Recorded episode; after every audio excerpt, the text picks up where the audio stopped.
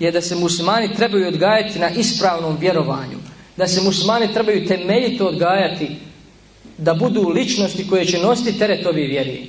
Nama na ovim prostorima prosperitet jesu institucije, jake institucije, škole, ustanove, obdaništa, studentski domovi kojima će se muslimani odgajati, u kojima će se buditi ta islamska svijest, kojima će se muslimani obrazovati i stvarati jednu novu generaciju. Naravno, najviše treba ulagati na, na djecu, na, na one koji se školuju, na školski taj period i na omladinu studente, jer su oni budućnost jednog naroda. Jer ako hoćeš da vidiš budućnost jednog naroda, pogleda njegovu, njegovu omladinu. Pogleda njegovu omladinu. Puno je bolje kada sagradiš kuću iz temelja, sa dobrim materijalom, sa dobrim temeljima, sa dobrom armaturom, pa je dobro fasadiraš i središ. Puno je bolje, puno je kvalitetnija kuća nego kad neku stariju kuću renoviraš. Ona jeste kuća, ali nije kao ona kao ona što je iz temelja sagrađena. Moramo u naša srca uliti to, to jako vjerovanje i vezu sa Allahom. Ne da izučavamo samo vjeru kao neku teoriju ili par nekih sura i tako dalje. Mora vjera biti u našem životu, mora vjera biti u našim kućama, u porodici jer je porodica osnovna jedinca društva. Svaki otac je odgovoran za svoju djecu.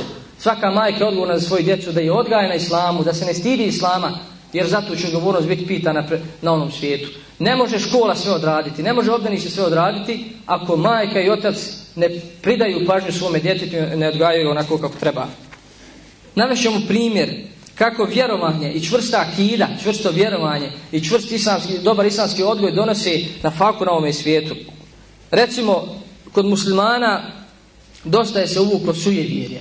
Dosta je se uvuklo onoga što nije odvjeri. Zato ćemo vidjeti da muslimani dosta prihvataju često i vrlo lako prihvataju ono što nije od i suje vjera, a dok ono ispravno i čisto vjerovanje teško prihvataju. vam samo jedan primjer. Isto tako jedan od, koji je primio islam, tražio je posao na zapadu i kada je našao posao, vlasnik u hotelu, u hotelu je našao posao, vlasnik hotela ga je ponudio, ponudio ga je da popije. I on je razmišljao da li da popijem, možda ako ne popijem, možda, će, mi, možda, će me, ovaj, možda me neće primiti, možda će mi dati otkaz, tako dalje, tako dalje. Međutim, odlučio je da ne popije, da ne proda svoju vjeru, jer je znao i sjetio se da je nafak od Allaha. I kada je odbio, jeli, kada je odbio da, da pije, rekao je, baš nam takav i treba, jer prije smo imali jednog e, e, radnika u hotelu koji je cijelu noć pio i zaspao i tako, jeli, pravio nered i nije dobro poslovao. Draga braćo, isto da svoja srca ne vežemo za ovaj svijet. Isto moramo svoja srca vezati za onaj svijet. Na taj način ćemo postići ponos i dostojanstvo. Na taj način ćemo zavoljeti onaj svijet i radit ćemo više za njega. Imat ćemo više snage da, da izdržimo e, iskušenja i teškoće na ovome putu. Trebamo odgajati omladinu da imaju visoke ambicije, da teže velikim i uzvišenim ciljevima kao što je Allah poslanih sallallahu alejhi odgajao shabe. Jedne prilike sin Alije radijallahu anha, anhu, upitao ga je, u stvari Alija je upitao svoga sina, kakav bi želio da budeš, e, poput koga bi želio da budeš, kaže, želio da budem poput tebe. Kaže, ne, nije ispravno tako razmišljaš. Reci, želio bi da budem poput poslanika, sallallahu alaihi sallam. Jer poslanik sallam je uzor svima. Jer kaže, ako bude želio da budeš poput mene, možda nećeš to postići, pa ćeš biti ispod mene. Međutim, ako bude želio da budeš poput poslanika, možeš postići da budeš bolji od mene.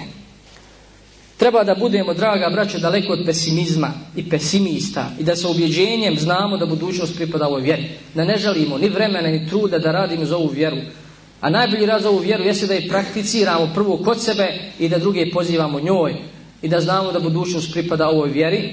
I ako u prvom pokušaju ne uspijemo, nemojmo očajavati, nemojmo klijevati, ako prvi neke naznake upućuju da stanje nije kako treba, nemojmo klijevati jer gradnja generacije, izgradnja generacije nije lahak posao. Treba će nam puno iskrenosti, puno bogobojaznosti, treba će nam puno oslonca na Allaha Đelešanu i treba će nam puno sabora i puno mudrosti na ovome putu.